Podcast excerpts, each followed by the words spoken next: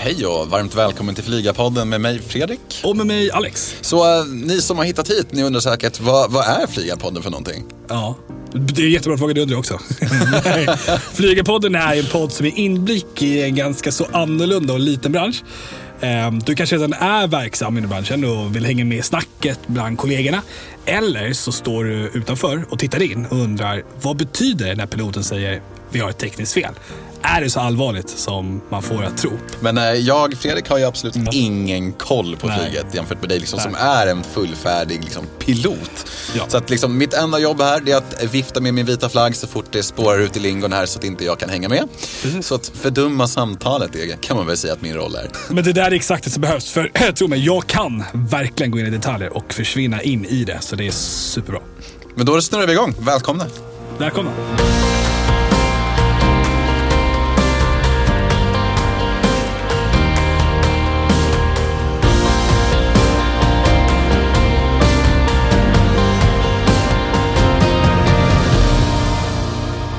Kan inte du ta och presentera veckans gäst? Jo, men det kan jag göra. Kärt barn har många namn. Det betyder att den här tjänsten då kan heta massa olika saker. Men eh, trafikassistent. Angelica Ljunglöf, varmt välkommen hit. Wow! Tack snälla. Varmt välkommen. Tack, tack, tack. Ja. Haft en bra morgon? Ja då, absolut. Taggad. Ja, vad kul. Det är första gången det är podd eller? Ja, är det. Angelica, berätta lite mer om dig. Vad gör du? För jag sa trafikassistent, men det kan ju heta flight coordinator och massa olika Ja, saker. absolut. Jag är då i grund och botten trafikassistent för ett handlings, handlingbolag på Arlanda. Eh, och eh, man kan ha olika kompetenser och därav olika benämningar på de kompetenserna. Kan inte du ta det för mig som inte är insatt i branschen överhuvudtaget om vad, vad är det du faktiskt gör?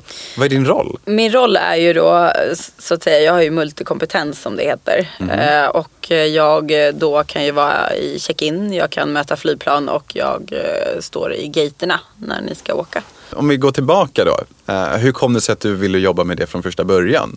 Alltså jag har alltid haft eh, någon känsla av att jag vill jobba inom flygbranschen. Men det har inte varit någon så här självklarhet. Inte så här Utan- ett kall eller något sånt Nej, där som många andra nej. säger. Utan det har varit så här, först var jag väl att jag ville väl bli flygvärdinna men eh, då när jag var yngre så var det att man var tvungen att ha en viss längd och över en viss längd och sådär. Så att ja, så då var det så att jag inte hade den längden så att jag gav upp det faktiskt. Jag förstår det. Gud vad demoraliserande att få höra. Nej men du behöver växa till det två centimeter. Det är inte som att du ska på Gröna Lund. Sorry, Liksom. jag har inte den möjligheten. Kommer in med papper i skorna. ut Liksom. mig liksom. Nej, och då var det väl att jag gjort mycket annat istället. Och sen så kom jag tillbaka på eh, det här när jag eh, blev uppsagd på ett annat jobb så kom jag till Arbetsförmedlingen och eh, vi var tvungna att, ja men som alltid på Arbetsförmedlingen så ska man söka olika jobb och kurser och, ja, och då så hade man en mässa ute på Arlanda. En eh, jag vet inte riktigt vad man ska kalla det, men det var en mässa i alla fall eh, för flygindustrin. Eh, och då var det olika bolag som var där ute och då hade representanter och man fick gå runt och prata med dem och vad de gjorde och vad de hade för något att erbjuda. Och då var det just då trafikassistent på Arlanda för ett visst bolag då. Eh, och då tyckte jag bara det här låter jätteroligt. Så gick jag tillbaka till Arbetsförmedlingen och sa att det här vill jag göra. Eh, men eh, då var man tvungen att ha vissa saker för att kunna få komma in på den här kursen. Så jag fick väldigt bra hjälp från Arbetsförmedlingen för att komma in på den här kursen och, och lösa det som jag behövde. Och sen var det bara, vart jag antagen. Och eh, då fick jag göra en så kallad flygplatsutbildning först. Eh, man då lär sig olika alltså flygplatskoder. Alltså vad de heter, småkoder. Alltså, Alltså, bokstäverna. Är det sånt som man, som man alltså, kommunicerar internt eller är det... Ja, men som till exempel Arlanda har ju ARN. ARN. Och sen så fick du lära alla för olika flygplatser. Och du Ah, fick lära dig, eh, man fick gå krishanteringskurs, man fick eh, det mesta. Och sen så fick du då gå en, eh, vad ska man säga, intern utbildning för just det handlingbolaget. Mm. Som jag skulle till då. Men brukar det vara som så att det är några skillnader beroende på vilket handlingbolag som man är på? Att de har olika typer av bestämmelser, till exempel olika typer av ja, men incitament till, till hur snabbt man ska kunna preppa en gate till exempel eller något sånt där? Jag tror att det ligger överlag ungefär samma. Vi jobbar på väldigt lika på nästan alla handlingbolag. Vi, det är många som har hoppat runt på olika handlingbolag på Arlanda. Eh, som då har samma.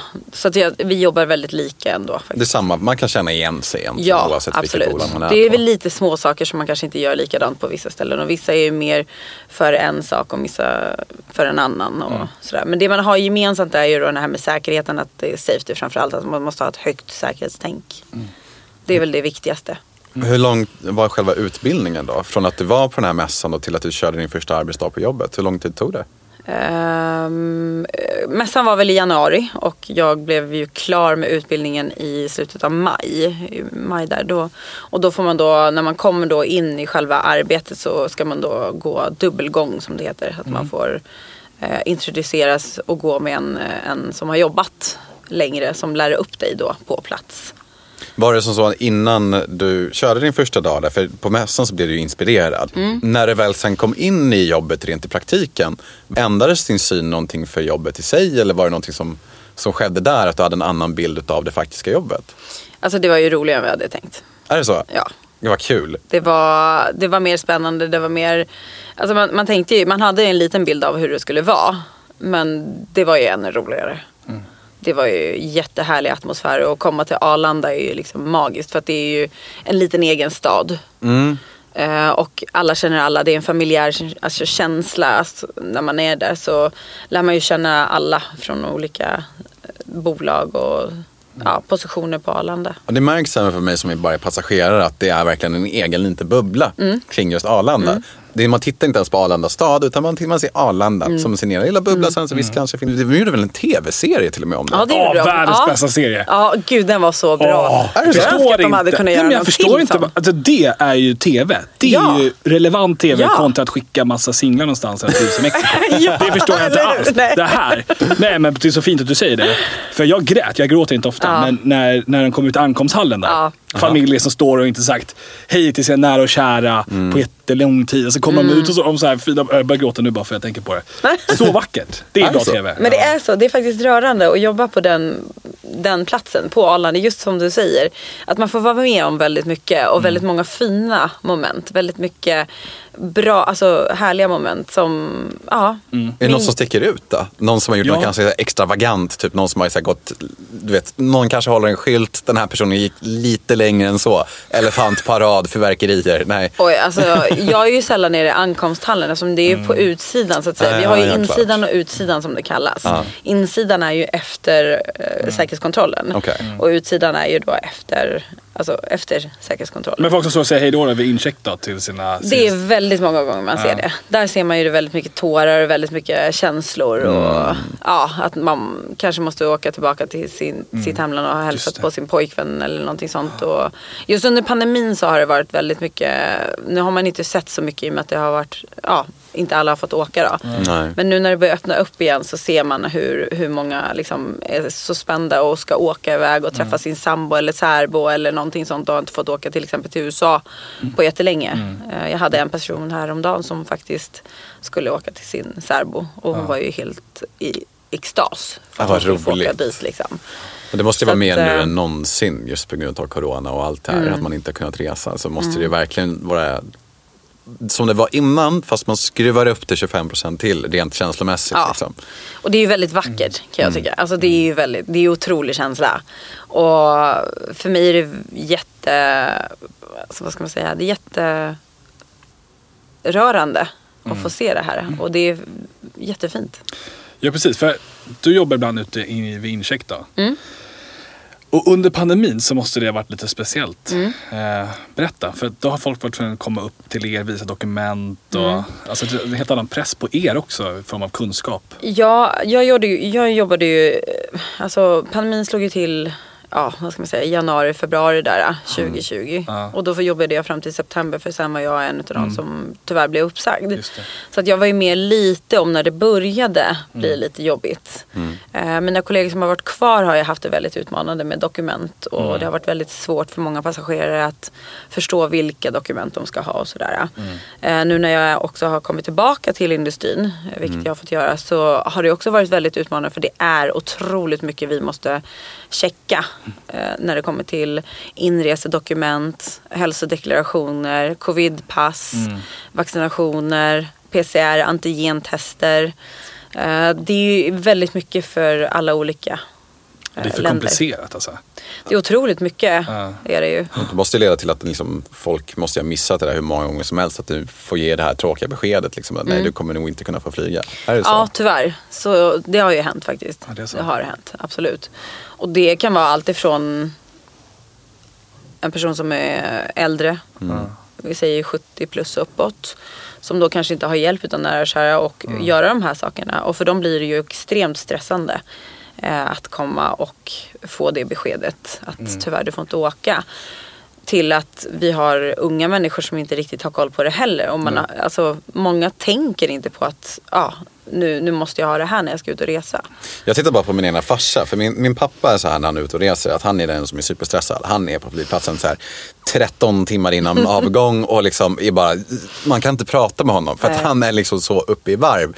Så att han blir förbannad liksom, för att han är Ja. stressad. Liksom. Jag kan tänka mig liksom, hur många gånger har det inte varit att ni får liksom munhugg från arga passagerare som bara, men det är ju ert fel, fan jag har ju gjort Ja. allting rätt här. Och Nej men absolut. Alltså, på mig. Är- Så är det ju. Liksom. Alltså, vi får ju väldigt mycket kritik på det sättet om man ska Ja. säga så. Eh, Men det man får tänka på är att jag har en roll. Jag har en uniform på mig. Jag representerar det här bolaget just nu. Jag eh, får inte ta det här personligt. Nej. Utan pers- personen framför mig är nog extremt stressad. Och man lär sig. Man lär sig se på en gång när en person är uppe i varv eller stressad. Eh, mitt knep brukar vara att ta det lugnt. Vi ska lösa det här, det kommer lösa sig om det går att lösa såklart. Eh, för vissa av de här hälsodeklarationerna kan du göra ganska snabbt på nätet, online. Så att det är bara det att det jag brukar säga då är att ta det lugnt, stressa inte igenom när du läser utan se till att läsa allting punkt för punkt så kommer det här gå bra. Eh, och försöker lugna passageraren helt enkelt. Att eh, se till så att de ändå liksom kommer tillbaka lite. Men sen självklart finns det ju de som går upp i varv och blir jättearga. Men jag tänker om det är sånt som inte går att lösa på plats, att de faktiskt inte får komma med på planet. Mm. Generellt, är det någon som har gått så långt att ni kanske fått ringa på vakter? Ja, absolut. Är det så? och Mm, det typ slänga ut personer från Arlanda och porten? Det händer, absolut. Så illa alltså? Ja. Jag tänker ändå, jag kan förstå det här med att man blir förbannad och allt det där, men det, det kommer inte lösa någonting. Nej, men folk tänker ju inte rationellt när man Nej. blir stressad. Eh, man, är, man agerar efter stressen. Eh, och tyvärr är det så att stress påverkar människor på olika sätt. Och eh, många tänker ju inte efter. Så att man försöker ju hjälpa så gott det går, så långt det går. Såklart. Men ehm, det är självklart så är det ju så att det finns ju folk som kanske går över gränsen. Och då får man då, vi har ju så kallade supervisors som då vi kan tillkalla så att de tar över situationen Just det. Ah, och hjälper oss. Men jag tänker så här att eh, flyget har ju teknologiskt liksom i framkant i mycket. Liksom. Det är så enkelt idag, eller liksom innan pandemin också. Då. Eh, att resa med en QR-kod kan du ta dig över hela världen, liksom bara visa upp. Liksom. Eh, så om jag går tillbaka nu till att det ska vara papper och så. Jag förstår ändå, lite som du säger med din pappa, så här, för jag tror att det finns en generation tidigare där man växte upp eh, som där det var, alltså att flyga är inte det man gör varje dag. Nej. Eh, och det betyder att bara vara på en flygplats är så här, okej vänta, har jag packat allting? Har jag pass? Man bara, du behöver inte ha pass. Exakt. Men så här, har jag printat ut mina liksom, resedokument?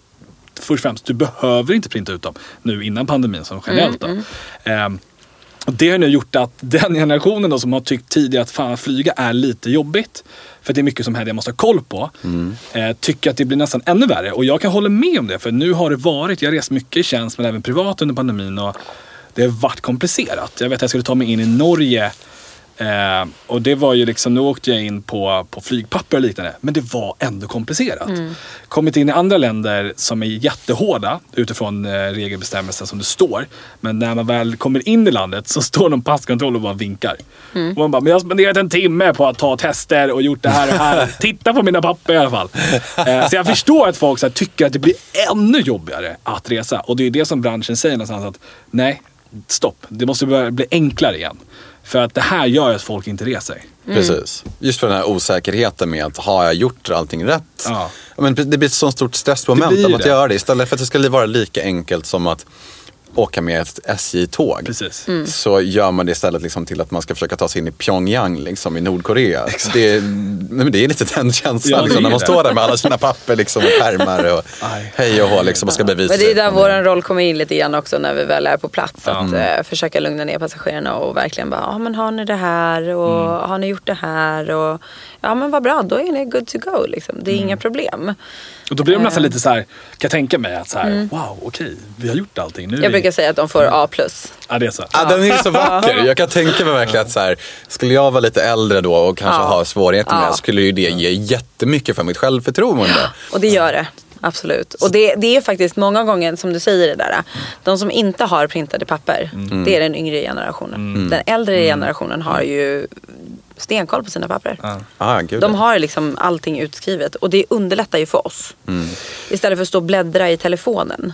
Ja, det är så. Ja. Ja, nu, det här är så viktigt. Det här är liksom varför du är här, för jag måste ha svar på det här. Ja. Nej, men, så, när man då kommer fram, nu är det ju inte ofta kanske man checkar in då, men säg att man, man gör det. Vad för dokument vill du ha? Så Det är bara vanligt inom EU. Eh, Jag tänker mig att jag slänger fram passet eh, för att du ska kunna se mitt namn och sen utifrån det hittar du allting du behöver. Vill vill du då hellre att jag kommer med papper med bokningsnummer och allt sånt? Alltså det underlättar, nej alltså vi Nej. kan ju hitta på, Ja, alltså, på namn. på, på namn. Ja. Absolut. Eh, ibland så, alltså vi, vi vill också, för att man ska då verkligen veta att det är den personen man har framför sig. Ja. Och att det är den personen på bokningen så vill vi ju ha en identifikation av Ja, något mm, slag. ja. För att checka in dem. För att eh, det inte ska bli något fel där. Mm. Sen då kan ju jag titta på destination. Var ska de åka någonstans? Och då har jag ett verktyg som hjälper mig att se vad är det som krävs för att åka till den här destinationen om jag inte vet det redan. För när man sitter i check-in dag ut och dag in så lär man sig väldigt mycket. Men under pandemin så har det ändrats otroligt mycket Ja. från den ena dagen till den andra. Det. Så att det här landet som du ska åka till nu kanske hade igår att du inte behövde ett PCR-test. Men idag så kanske du behöver ett PCR-test. Och har du inte det så har vi ju då på Arlanda snabb PCR och antigen. Just det, just det. Det, du, du är den personen man skulle ha känt under pandemin för att ringa och bara liksom, okej jag ska Mm. Ja. dit, vad behöver jag? Liksom? Ja. För det har ju varit svårt med den informationen. Alltså det är ju svårt men det, det står ju och Ja. det, det finns ju information och du får ju också oftast eh, mail och sms. Man har liksom matat ut Ja, information man till passagerare. Liksom. Men absolut, jag har fått eh, samtal Mm. där folk har frågat. En egen hotline.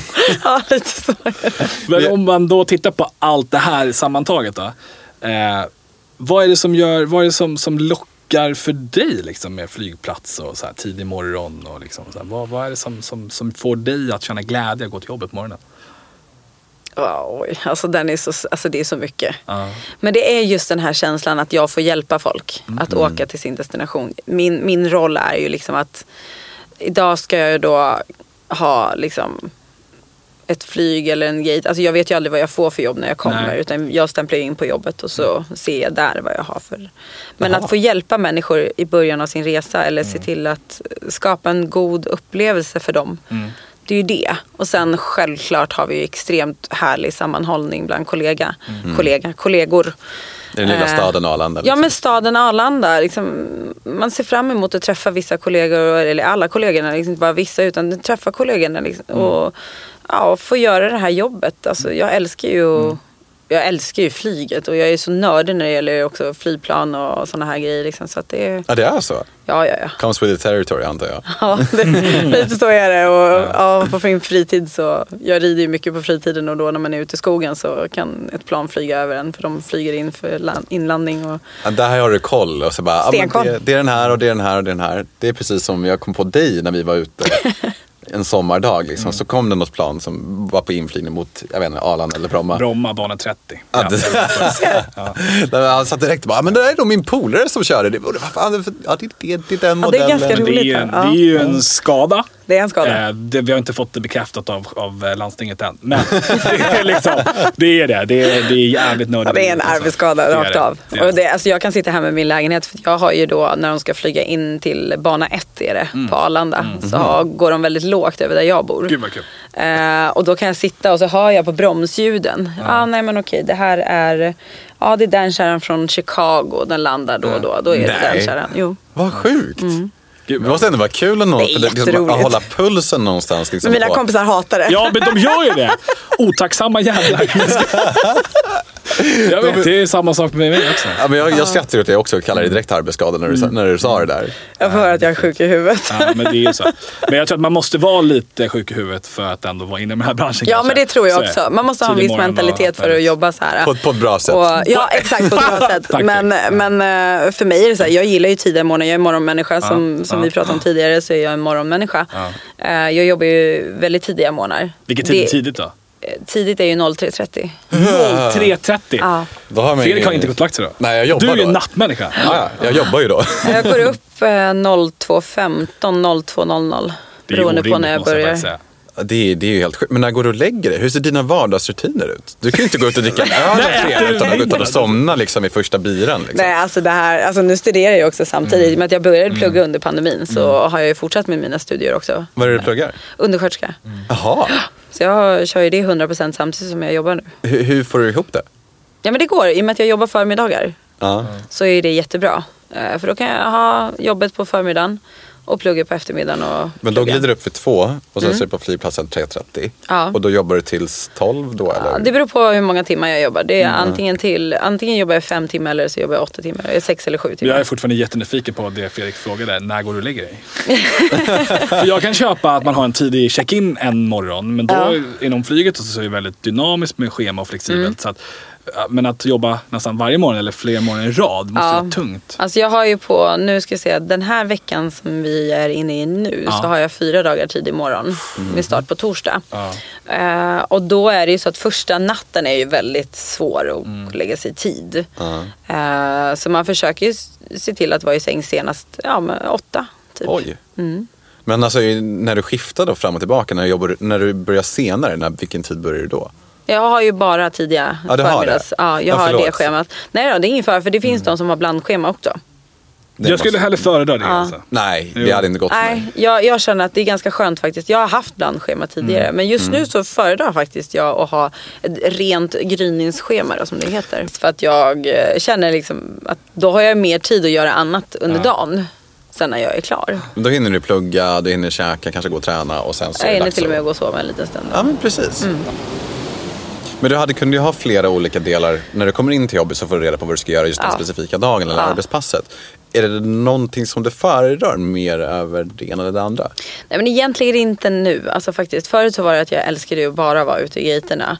Eh, Men eh, nu har jag liksom fått tillbaka den här tjusningen för att man, för att vara i check-in också. För att få den här hjälpande, kunna tiden och prata med passageraren och ge dem en, en härlig upplevelse på sin början. En, en härlig start på sin resa. Eh, och jag får ofta höra många gånger passagerare tilltala mig liksom och bara Men gud hur kan du vara så himla pigg och glad och trevlig så här tidigt på morgonen och Ja. du är helt underbar och så här. Och, men Människor sen får jag höra andra som inte tycker det. Så det, Ja, det är så. Det är så. Ja, ja, ja. Så att, eh, men det det är så här, man försöker verkligen ge dem en jättehärlig... Och allt handlar ju om att även om vi har en stress så handlar det om att vi måste ändå leverera eh, en trygg och säker produkt till passagerarna. Även då när det gäller safety och Mm. hur vi bemöter dem och hur vi är själva. Liksom. Allt avspeglar sig. Jag måste få fråga. Det här, jag vet inte, det, det är influerat från amerikanska filmer. Det här händer mig alltid, jag frågar alltid det här, jag känner mig alltid idiotförklarad. Men det vore kul om det vore så. När man checkar in, får du upp någon så här flaggning i systemet om personen är efterlyst av Interpol eller något sånt där? ja, men, ser det, jag blir alltid utskattat. Men det, jag tycker det är en legitim fråga för mig Fast som inte finns. är i branschen. Det gör det? Ja, fast vi får inte reda på det så. Men vi har ju okej. folk som jobbar som, Behind the scenes liksom. som ja, har som har lite koll. Så när, okej, säg att jag är efterlyst, jag checkar in, det är inte du som får notisen utan det är någon annan som kommer sen plocka mig Jag märker det nästan aldrig. Nästan? Nej, alltså ibland så kan man få att man ska kontakta supervisor eller någonting Mm. sånt. Och då kommer de. Så Ah. jag vet ju oftast inte vad det handlar om. Nej. Jag fattar. Så att eh, vi har ju folk som jobbar med den, Ja. den Ja. själva liksom. Det är ju liksom inte... Ja. Men när det kommer till själva gaten då, vad är det för typ av arbete som ni gör där? Ja, alltså jag är ju den som, eh, vad ska man säga, alltså se till att allting sker på tid. Ja, Där är det ju väldigt tidspressat. För att om vi har en turnaround så att säga, då är det ju att planen kanske har kommit in från en destination. Eh, och då har vi oftast en turnaround tid på typ 25-30 minuter beroende på vad det är för flygplanstyp. Det är inte mycket. Nej, så att det beroende på vilken flygplanstyp det är så är det ju, ja, det, då börjar man ju med att först och främst titta, har jag ett flygplan? Ja, det står ett flygplan där. Cateringen där, lastningen. Är städet, har de kommit ombord? Är de klara? Vad gör de? Alltså är de, är de på och städar eller vad händer? Eh, jag, jag öppnar flödet för att kunna liksom förbereda där och kunna gå upp och ner. Eh, Hur bordar man på bästa sätt då? Enligt dig? Alltså enligt mig så är det ju att ha en baktrappa. Ja. Eh, Om det är en fullbordad, alltså full Ja, flight. Det är en uppdelad då, man får gå in där fram och där bak då? Ja, eller? precis. Att man då fyller på båda hållen. Aha. Ja men precis, då delar du vattnet där. Så den, den heliga delningen är ju rad 15. Jaså? Och det är där, från rad 15 och framåt som man får gå på där fram då? Eller där 1 bak? till 5, eller 1 till 15, förlåt. 1 till 15, då är det främre delen. 15 och bakåt, då är det den bakre delen. Vilken del av flygplanet ska man sitta på då? Bak. Va? Bak. Nej. Det är där man känner alla turbulens och allt det där Ja, gropar. Så här, ja. Fast vad jag har hört så är det den bästa att sitta längst bak. Men det beror på om du är ute in for the thrill liksom, inte Ja. flygrädd som jag. Ja, liksom, bara, jag sitter helst fastklämrad på piloten. Liksom. Så. Jaha. Det var jag hört. Sen vet jag ju inte. Okej. Jag är inte expert på det där. Nej, men nej, det var jag har hört. Jaha. Okej. Men själv föredrar att sitta långt fram. jag menar- Ja, ett A. Tackar. Men jag tänker så här, eh, när man bordar. Jag flög jättemycket, nästan veckopendlare till Aten. Eh, och eh, jag kunde ju på rak arm innan säga att vi kommer bli försenade. Eh, det var när det var typ så här tio rullstolar som ska ombord Ja. inför varje flight. Precis. Och folk som har så satans mycket kabinväskor. Ja, oj. Eh, Det är också en annan del ju Ja. i det hela med boardingprocessen. Alltså det finns ju väldigt många delar i boardingprocessen Precis. Mm, för att få en optimal boarding. Och det gäller ju att allting flyter på. mycket kan inte du rå för. Nej, exakt. Och det gäller ju att alla är på plats i tid. Alltså vi pratar allt. Vi pratar catering, vi pratar städer, vi pratar lastningen, vi pratar mig, alltså i gaten, Mm. vi pratar kabinen, vi, cockpit, vi pratar assistansservice, vi pratar allt. Mm. För att få en så optimal boarding som möjligt så är det viktigt att alla är på plats. Mm. Men fortfarande får man ju inte glömma då att säkerheten först och främst då att man har koll på det också. Mm. Men eh, om vi har till exempel tio rullstolar så är det viktigt att vi får boarding tidigare kanske. Men är det en turnaround så är det ju svårt. Ja, Det är det. det är klart att det är svårt. Ja. Så att jag Så- menar, där blir det en problematik som inte du kan rå för egentligen. Nej. Liksom. Och därför vet jag, jag kommer ihåg att jag Men då tänkte har man det. ju lite knep. Alltså? Ah, Du har ju Bluestrap till exempel. just det, berätta för Fredrik vad det Vad är det? Alltså Bluestrap är det här blåa bandet som vi sätter upp i korridoren. Ja. eh, längre ner. Och dit, dit ni får gå ner och stanna tills kabinen är Som redo. ett nattklubbs... Eh, Ja, ja, ja. Och så står Fredde Så- där liksom och, Ja. och Ja, men, pekar. vem ja, som- men jag, jag är med på listan. Liksom. Ja, precis. Så att alltså, har man då möjlighet, nu har vi inte fått använda det under pandemin, men har man möjlighet att använda Bluestrap så hjälper det otroligt mycket för det vinner väldigt mycket tid. Ja. Eh, och då också även då, alltså, det är svårt att använda Bluestrap när vi har baktrappa. Mm. Men eh, har man då baktrappa istället så är ju det ett optimalt Mm. medel. Men säg till exempel att vi inte har baktrappa och bara har Bluestrap, då är det ju det som hjälper jättemycket. Mm. Eh, för då kan man då ta ner alla assistent, assistent, Mm. assistanser ända ner. Och assistanser kan ju vara då rullstol, alltså de som behöver hjälp Mm. att gå ombord. Eh, och då kan man ta ner dem till brygghuvudet då, som det kallas. Mhm. Och så kollar man först och checkar då med kabinen. Är det okej att jag tar ner dem dit ner så att de får stå där och vänta tills ni är klara? Och så Mm. säger ni till att nu är det okej att kliva ombord. Och sen släpper då pörsen då på bandet Mm. Ja, ja, när de är klara med dem. Mm. Så det hjälper ju till jättemycket. Otroligt mycket. Hur går kommunikationen till då? Jag tänker från en pilot som till exempel ska landa sitt flyg eller har landat flyget och så ska eh, vad heter det, taxa in någonstans på någon Mm. gate.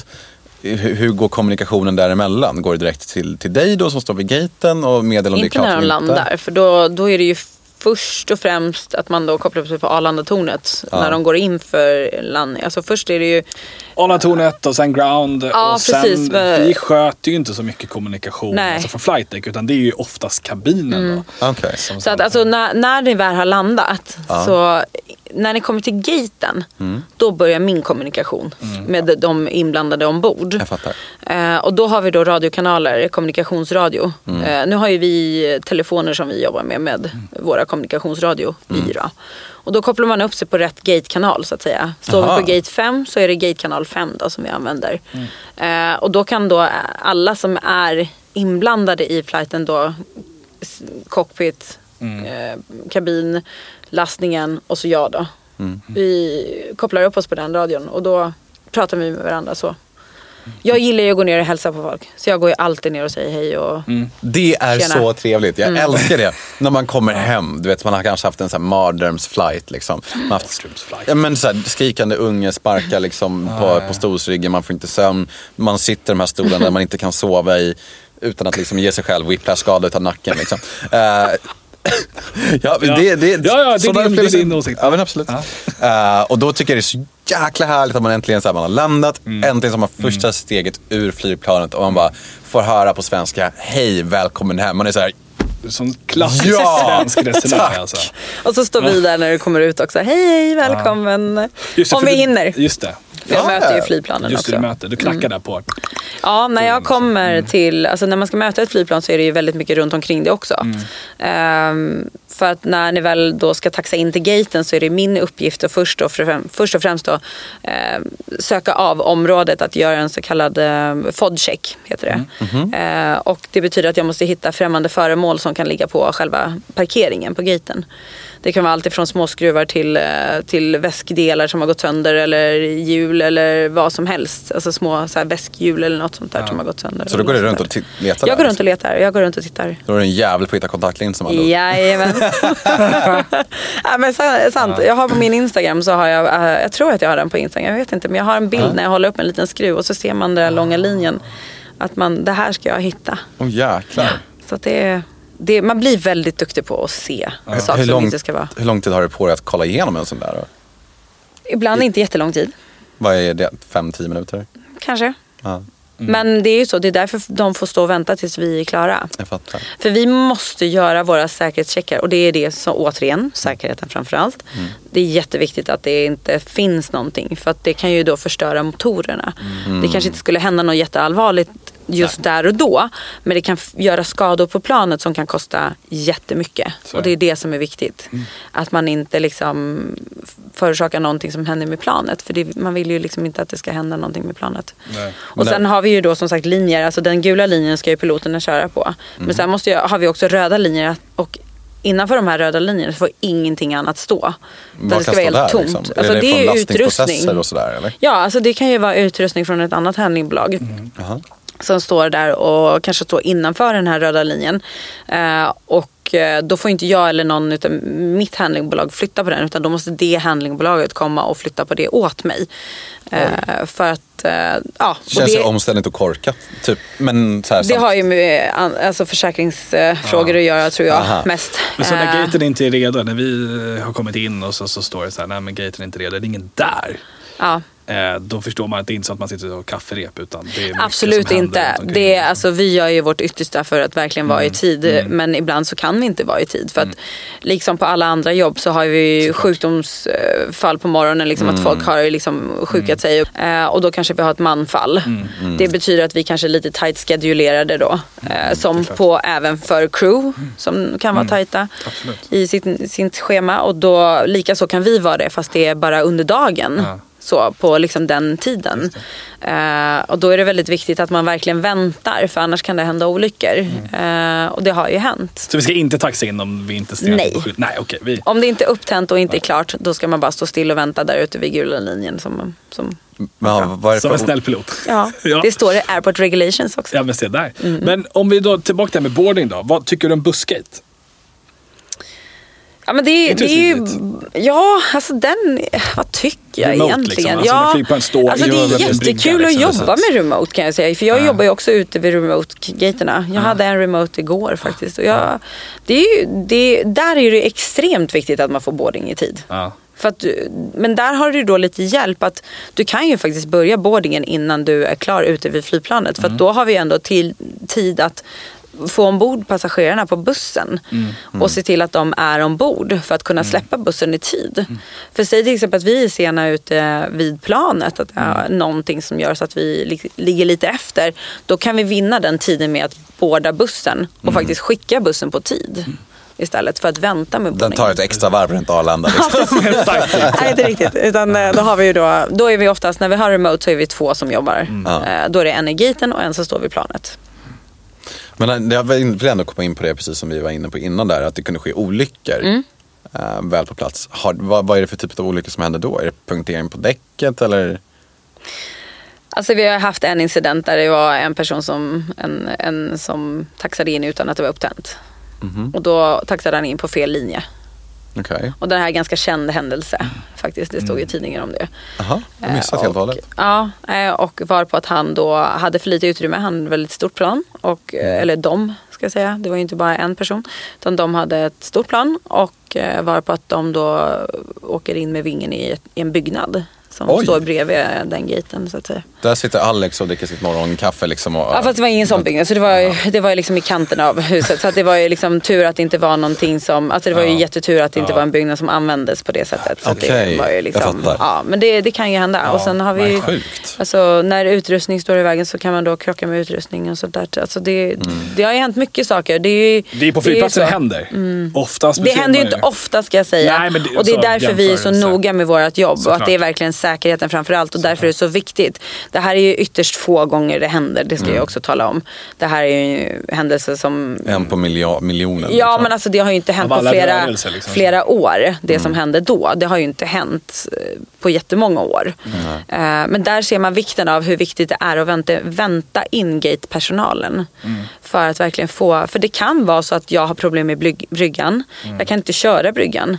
Och då måste vi kanske liksom lösa det problemet med att få till baktrappor eller hur vi nu ska göra. Eh, och eh, att stå och bränna med ett plan är ju inte optimalt. Alltså det vill man ju inte. Alltså stå med motorerna igång. Nej. För det kostar jättemycket pengar. Så man försöker ju lösa situationen så snabbt det går på ett säkert sätt för Såklart. alla inblandade parter. Och då ska man då ha klart för sig att det är det yttersta, yttersta vi gör. Liksom. Jag tycker det är så häftigt med de här. Nu är ju Arlanda en, en hyfsad stor flygplats och Mm. har lite olika parkeringsområden. Och så man kan ställa sig och vänta. Och så här. Men så här mindre flygplatser under högsäsongen. Så jag var ju och flög mycket i Grekland. Mm. Eh, ta en typ Skiathos, en, en liten ö liksom i, i Grekland. Eh, jättemycket trafik på sommaren från eh, norra Europa och England med turister liksom, som kommer in. Stora flygplan. Eh, kanske har så här sex liksom, gater. Eh, och sen är det fullt med trafik. Det är något flygplan som blir försenat. Då tycker jag det är så häftigt att se hur man jobbar med den ytan som finns. Det är ganska så fantastiskt. Om man är lite så förälskad i logistik så är det så här, wow, alltså vilket projekt, vilket arbete som ligger bakom. Bara för att jag ska kunna kliva av det här flygplanet. Man tar för givet sådana saker, att det ska komma upp en trappa och, Ah, och allting sånt. Liksom. Gud, man förstår Men det liksom, ligger man, mycket jobb bakom det. extremt mycket jobb. Det är jättemycket jobb bakom Så det. det är väldigt, eh, väldigt men också så här, det du sa där med den här olyckan. ehm, det är ju tight. Ja, man förstår inte hur tight det är. Och flygplan idag, det sättet som man bygger flygplan idag, det är ju större motorer och st- liksom större vingar, man ska säga.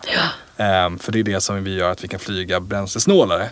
Det ställer också krav på flygplatserna. Mm. Eh, att taxibanorna, att de vidgas. Eh, att flygledarna har koll på att okej, det där flygplanet är sådär stort med den vingspannen så den kan inte fly eller taxa dit. Ah, ja, ja, Och, ja. det, och där ska jag säga, där har vi extremt duktiga personer som står, Ja. sitter i flygledartornet. Alltså de är så duktiga. Alltså de, är, de ser ju exakt, de vet ju precis exakt vilken gate som passar till vilket Ja. flygplan. Ja. Så att det, det där är ju ett handhavande fel det som hände. Mm. Och det är för att man då har två olika linjer och så åker man in på fel linje. Liksom. Det, Var det så här, var, nu tänker jag så här spontant, jag kommer inte ihåg, men jag tänker med F-pilen, olika streck för det finns typ så här Mm. Precis. 36 left, Ja. 36 Ja, right. exakt, så beroende på, för det är så här, har du två flygplan, flygplan. som är stora bredvid varandra så måste du ta de här. Alltså det är så mycket Mm. olika. Fast oftast är det, om du tänker nu, nu ska jag se, nu ska jag se så att jag säger rätt. De stora flygplanen åker oftast in på right. Blir ja, det. just det. Ja, Och då left är de små. precis. Och så tar jag- man jag fel linje. Liksom. Då blir det tight. Ja. Ah, Då får inte det, det det stora planet hände. plats. Men som sagt, poängtera att det här händer väldigt sällan, ytterst sällan. Eh, och att det är liksom, därför är vikten att vi verkligen är på plats då. Och att vi tänder upp och att man väntar tills den här tavlan, indikationstavlan är upptänd. Där kan det också vara problem med indikationstavlan. Då måste Ja. vi ringa en marshal, eh, invinkare som det heter då. Ja, som går ut med facklor. Alltså vid mörkt, när det är mörkt då används de här lysstavarna så att säga. Precis. När det är ljust ute då har man de här med runda eh, pinnar med rund eh, Som platta på. stopp. eh, Ja, alltså, ja, ja, ja, ja, ja. Och då använder de dem och så vinkar in och så håller precis. på och viftar med armarna. Så, ja. Det är Så dirigerar in planet helt enkelt. Mm. Ja, och så måste piloten ta upp en liten handbok för att de kan inte tyda själva. Alltså, det används inte. Det vet jag ingenting om. Nej, det ska vi inte säga. Är det så? Nej, nej, men det finns så många olika i det är utbildningen. så sig häftigt att se, alltså. Ja, jag Och där är det ju liksom jätteviktigt att man då väntar faktiskt för då behöver vi hjälp oftast. Så att det är mycket saker som vi behöver kanske hjälp med som vi behöver liksom fixa innan. Så att, Men det är inte mycket frustration i de här olika leden då? Till exempel, säg att Alex har landat här och gaten inte är redo, och liksom passagerarna börjar bli otåliga, kabinpersonalen känner sig pressad för de kanske har jobbat väldigt länge. Liksom, hur är liksom, respekten gentemot kollegorna på det sättet? Nej, men jag tycker att vi har förståelse för varandra. Så länge de får veta, men oftast får inte piloterna och kabinen veta innan de pratar med oss vad som har hänt. Eh, för det är många gånger inte så att man vet. Eh, för att de kan ju ropa in till ground operations, eh, kan de göra. Eh, hos oss heter det trafiken då. Eh, och eh, då kan de ropa in och så kan de fråga vad är det som händer och så kanske inte jag har hunnit att ringa och tala om vad som är problemet. Eh, och då kan det vara svårt för dem att veta. Men så fort vi öppnar dörren och jag förklarar vad som har hänt. Jaha, okej, ja, ja, inga problem. Liksom. Och det är oftast, det är aldrig något problem. Liksom, sådär. Vi har ett väldigt bra samarbete ändå tycker jag. Så att, eh, man, har, man har oftast väldigt stor respekt för varandra på det sättet. Det finns ingenting som du skulle vilja förmedla till eh, svenska pilotkåren och eh, även skandinaviska här då? Ni när ändå sitter med mikrofonen liksom. Du har ju tal till nationen. Nej men det, nej, men alltså att man ändå, det enda man vill är att ha ett samförstående liksom, och ha respekt gentemot varandra. Såklart. Och lika mycket som att jag måste respektera dig och din kunskap i cockpit så vill jag ha den tillbaka i mitt jobb. Att man har förståelse och ändå en tillit på att jag klarar av mitt jobb.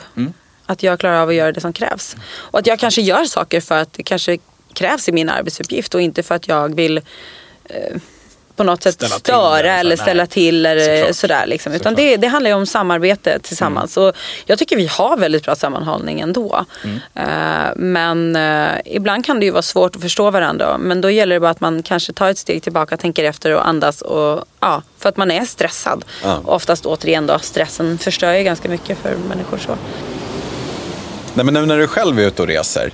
Nu har ju du vältränade ögon om man tittar när du själv är på en annan flygplats. Kan du ibland liksom bli irriterad på hur de hanterar vissa situationer? Eller känner du att ah, men fan, kanske jag borde steppa in här för då skulle vi kunna streamlina det här så mycket mer?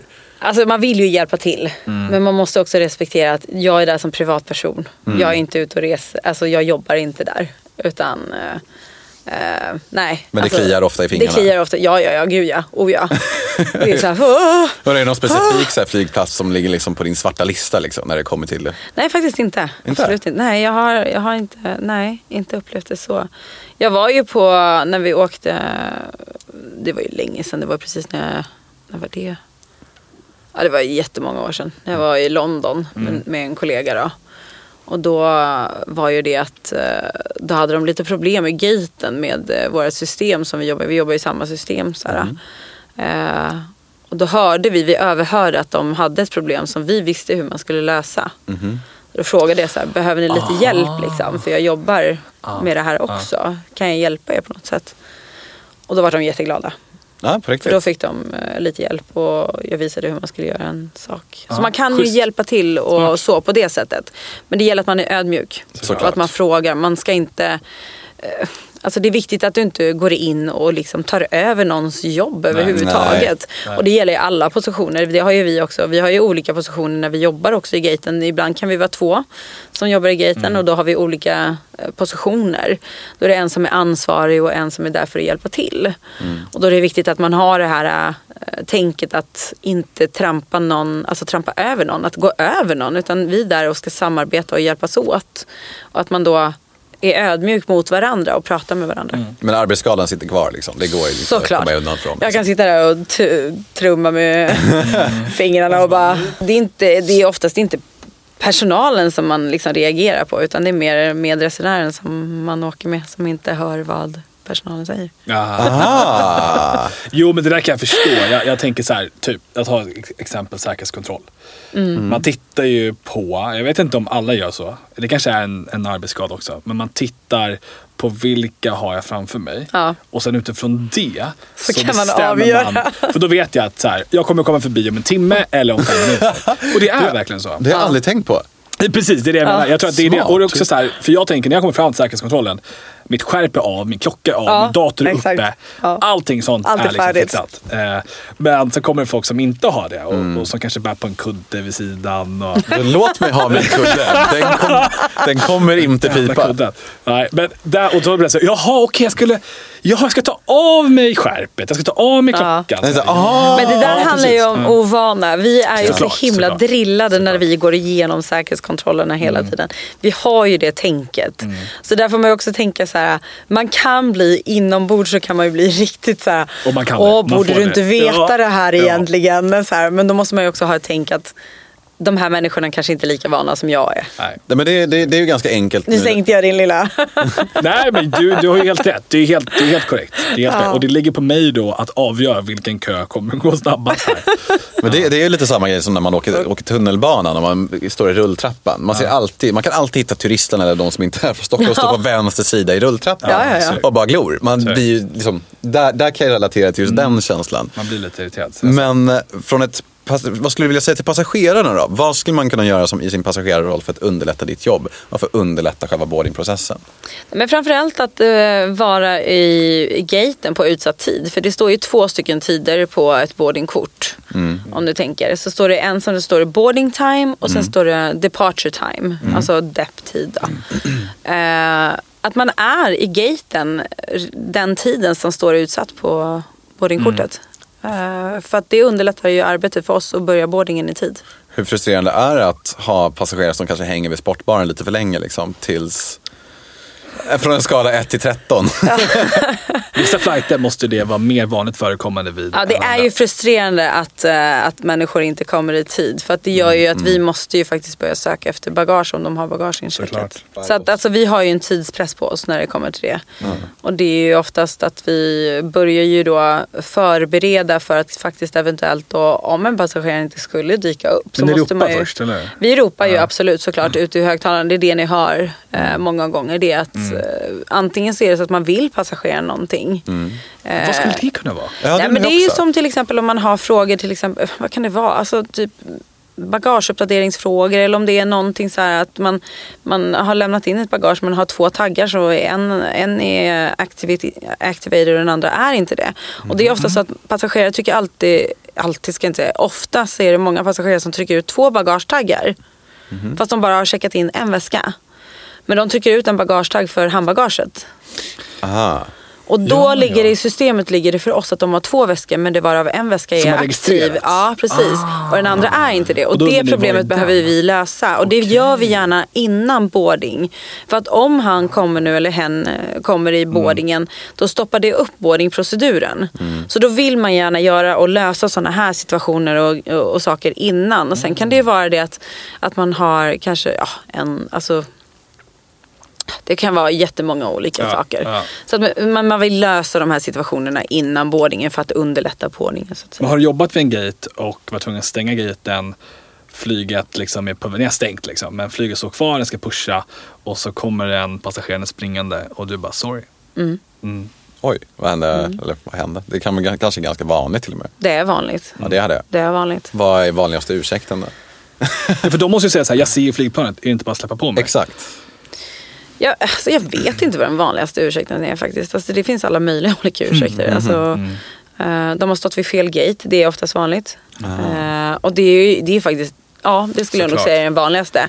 För att mig. vi är många olika bolag som jobbar där. Alltså det är många olika bolag som flyger från Arlanda ju. Men nästan samma avgångar ibland Exakt, också. Mm. precis. Och samma avgångstider, samma avgångsdestinationer också. Mm. Eh, och då är det svårt för passagerarna många gånger att inte se på den här tavlan Mm. som finns då att ah, jag ska till den gaten för det är väldigt lite och så står det väldigt tight. Så att många Mm. gånger så missar de och de läser men sen så går de ner till en rad och så går de upp till nästa rad. Ah. Och då kommer gaten, då blir det fel gate. Men då har den redan hunnit lasta av väskan och Ja. alltihop. Liksom. Ja. Och då är det för sent eh, oftast. När man har stängt flighten. För då har man gjort alla så kallade eh, flight releaser som det heter. Och det är ganska bökigt att öppna upp dem igen.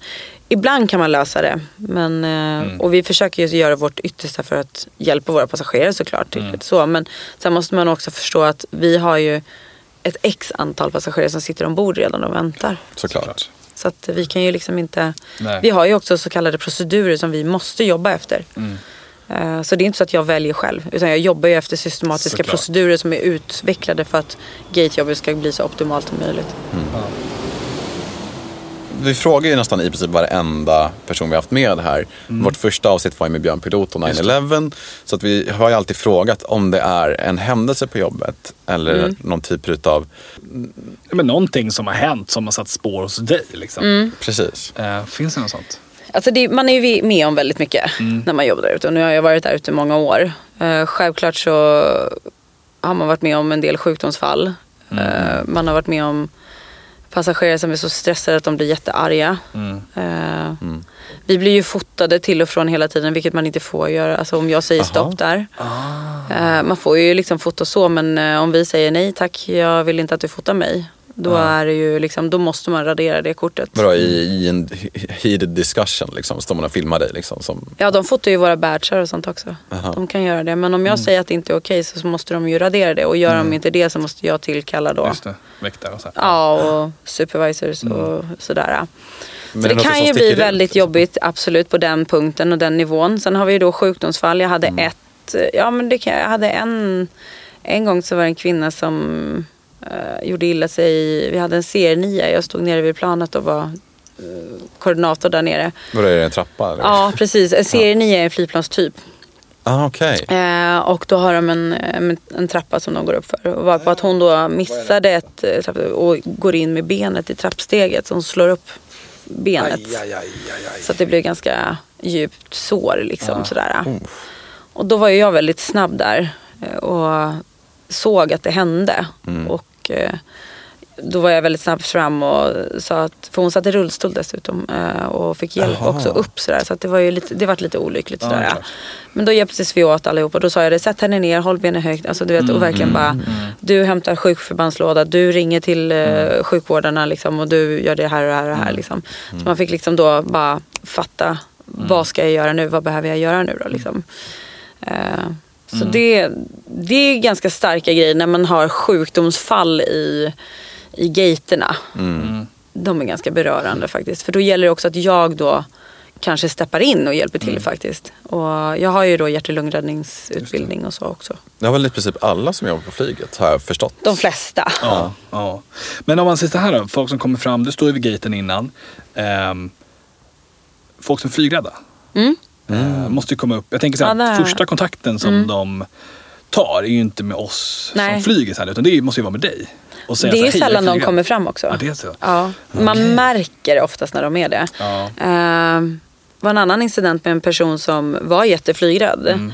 Var på att, eh, hon var ganska ung då och reste med sin familj. Mhm. Eh, och hon, hon var så rädd att hon vägrade gå ner i planet och ingen fattade varför. Mhm. Och vi liksom bara försökte och det var, alltså det var jätteomständigt för henne liksom att gå Mm. ner. Alltså hon, hon, alltså det, var- det bara blockerade liksom. Och då försökte man ju då ja, prata med henne och se vad var det som hade hänt. För hennes föräldrar förstod ju liksom inte vad, vad, vad är det som har hänt. Liksom. Det har aldrig hänt förut. Och så fick vi ner henne i alla fall och så började jag prata lite med henne. Och då visade det sig att hennes kompisar hade suttit och skickat filmer på olika krascher. Nej. Jo. Nej, Innan hon fan vad elakt. Så då fick man ju då börja bearbeta det och uh, var på att eh, jag kom faktiskt, jag fick ju den kontakten med henne. Att hon liksom började lyssna på mig. Mm. Och så fick vi då lösa det ombord och hjälpas till och hjälpas åt. Alla hjälptes ju åt då. Mm. Och vi samarbetade jättebra tillsammans allihopa. Så hon kom ju ombord faktiskt. Ja, det? Hon flög eh, både dit Mm. till destinationen och hem sen. Och så fick jag faktiskt sen då ett, eh, ett tack. Sms faktiskt. Hade hon tagit reda på vem jag var och sådär. Nej, vad Nej, vad roligt. Snällt. Så, Vad fint. Men ja, för framtiden då, om det är någon som lyssnar som är flygrädd, liksom, ta kontakt vid gaten. gör gärna det. Ja, det kommer Om det känns, för det är liksom. också jättebra för oss. För vi, vi kan ju hjälpa till då Mm. på så sätt att om, om du känner dig trygg och vill att du går ner först och vill Precis. eh, prata med kabin och kapten och Ja, sådär. definitivt.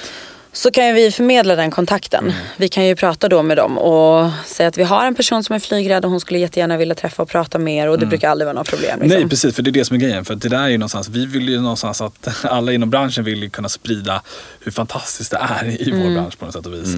Vilket gör att kommer någon och säger, hej jag tycker det här är obehagligt. Mm. Så kommer alla nästan släppa sin syssla där och då och säga, kom.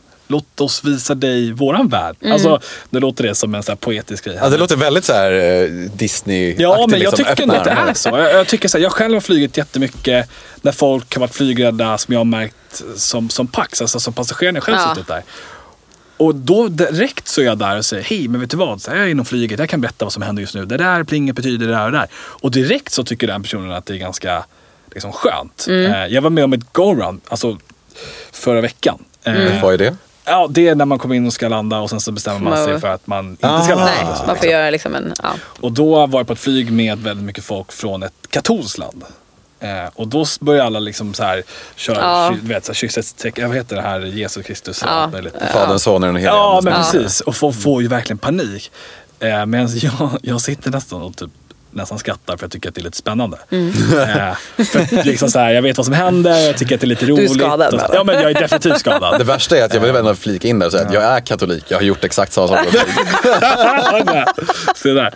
Men, och det är väl det som är grejen. Ah, Där, att, eh, det, det, man vill ju sprida, man vill ju se till att folk inte ska vara flygrädda. Mm. Alltså, så. Men det är ju väldigt svårt att säga till någon som är flygrädd att det är ingen fara, Nej, det är inte precis. det och dittan och detta. Men vi vill ju gärna väl. Men många gånger är det också så som, jag har ju passagerare som har kommit också och sagt att nej men jag vill absolut inte någonting utan jag vill bara meddela att jag är det. Men jag vill inte ha någon hjälp, jag vill inte göra någonting. Jag vill bara gå på, jag vill bara göra det här. Jag måste få leva i Precis. min liksom, lilla bubbla bara. Eh, Medan vissa vill gå på först, vissa vill gå på sist. Liksom. Så att det, men det, det är jätteviktigt. Det som är viktigt i mitt arbete är att även hur mycket stress det är så måste man tänka på vissa saker. Att först och främst då säkerheten. Framförallt liksom runt en avgång och sådana här saker. Jätteviktigt att man håller på det. Sen är det också att inte tappa den här ödmjukheten mot eh, människorna liksom, och förståelsen. Liksom, att jag har en roll i mitt jobb, jag har en roll i mitt yrke. Och att liksom verkligen ha, visa en förståelse till, till den nivån att det inte blir någon alltså, otrevlig stämning då såklart. Eh, för vi har ju också även nolltolerans då på vissa saker. Såklart. Så att, såklart. Vad är det för nolltolerans? Alkohol. Men, ja, vi fiskar. Nej, men alltså, ja, det finns ju olika aspekter. Alltså hur, hur, vad vi tolererar och inte tolererar. Så enkelt är det. Sen får man ju avgöra för att jag menar, jag tänk, det kan ju vara till exempel att om någon passagerare är aggressiv uppe i gaten. Vad säger du att den här passageraren inte kan vara aggressiv nere på planet? Så. Liksom? Alltså, Det det är är så, vi måste kunna avgöra sånt. Och när man kommer ut i gaten så kan man då faktiskt snabbt avgöra många gånger. Till exempel alkohol. Mm, eh, passagerare som har suttit lite väl länge i baren kanske. Mm. Eh, nu har ju jag jobbat så pass länge så jag ser ju oftast när det är folk som är lite för berusade. Eh, och det som är viktigt då är att gå fram och prata med dem då på ett ödmjukt schysst sätt och ta reda på lite information och se, checka läget. Eh, Mm. Förstår han vad jag säger? Kan han ta instruktioner? Och, ja, eller hen, kan och- hen ta instruktioner? Ja, och där liksom, märker du att det inte är så. Det är där nolltolerans. Då är det så här, vi, de kommer aldrig få komma ombord för det kommer bara bli problem. Alltså för dem själva också. Att så här, jag Mm. kommer, de kommer börja må illa och det kan bli sjukdomsfall av det. Alltså inte bara så att de ska ställa till med bråk utan för deras skull också. Såklart. Vi ska upp eh, med en Mm. Precis. kabin, tryck i kabinen som Ja, kanske inte är exakt. jättebra. Det är det Så, ställa ja, och det är jag brukar göra i de där fallen är faktiskt om jag känner mig lite osäker så känner jag liksom, att då brukar jag gå och prata med kabinen och Ja. med kapten och fråga kan ni komma upp i gaten och prata med den här personen och så. Just det. Så det är väldigt mycket säkerhet, det är väldigt mycket tänk på det och det är väldigt mycket så här att man försöker alltså, hjälpa människor så mycket som möjligt. Men vi tackar så hemskt mycket för att du tog dig tid för att komma hit och berätta lite om din värld och eh, Ja, det var bara en liten del av det. Ja, det finns ju så liksom- mycket annat också. Men ja, absolut. Men du får Det- jättegärna komma tillbaka och få det. Så kan vi göra lite en samling med att ta med så gärna. många gäster vi bara kan. Mm. Där alla får bara dra med sig liksom deras viktigaste delar från deras del av flyget. Ja. Och jag vill också säga, poängtera för alla människor som är ute och flyger, alltså både personal och även icke-personal och passagerare att våga fråga. Alltså, ställ in, alltså inga frågor är dumma utan vi finns ju där för att hjälpa till och för att finnas till och, och underlätta liksom så mycket som möjligt. Enig. Mm. Helt enig. Bra.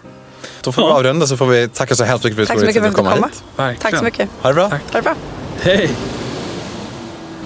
Och Fredrik, jag tackar dig för den här eh, gången. Ja men detsamma. Ja. Trevligt som alltid. Ja, Men det är ju det. Lär vi inte ses på två veckor till Nej, heller. precis. Det kommer vi inte få göra. Och vet du vad det betyder?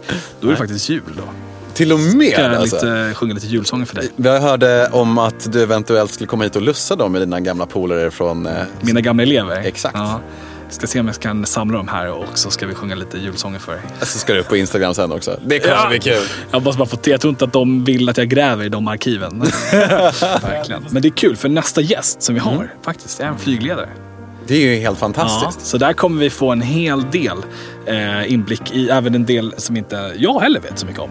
Det är verkligen så här, man brukar säga någonstans att de är hjältarna liksom behind the scenes verkligen. Liksom. Spindeln i nätet liksom. Ja, för de syns inte. De hörs bara till mig då som pilot, pratar med dem. Mm. Men annars så märker man inte av dem så mycket. Det kommer bli superspännande. Ja, verkligen. Så eh, alla lyssnare, ställ frågor på vår Instagram, avitus.se eller Flygarpodden. Eh, om ni har några specifika önskemål eller frågor som ni vill att vi ska ta med eh, den här flygledaren. Då. Det är bara att ösa på. Verkligen. Så Fredrik, tack för idag. Och på återseende. Detsamma, detsamma. Ja, hej.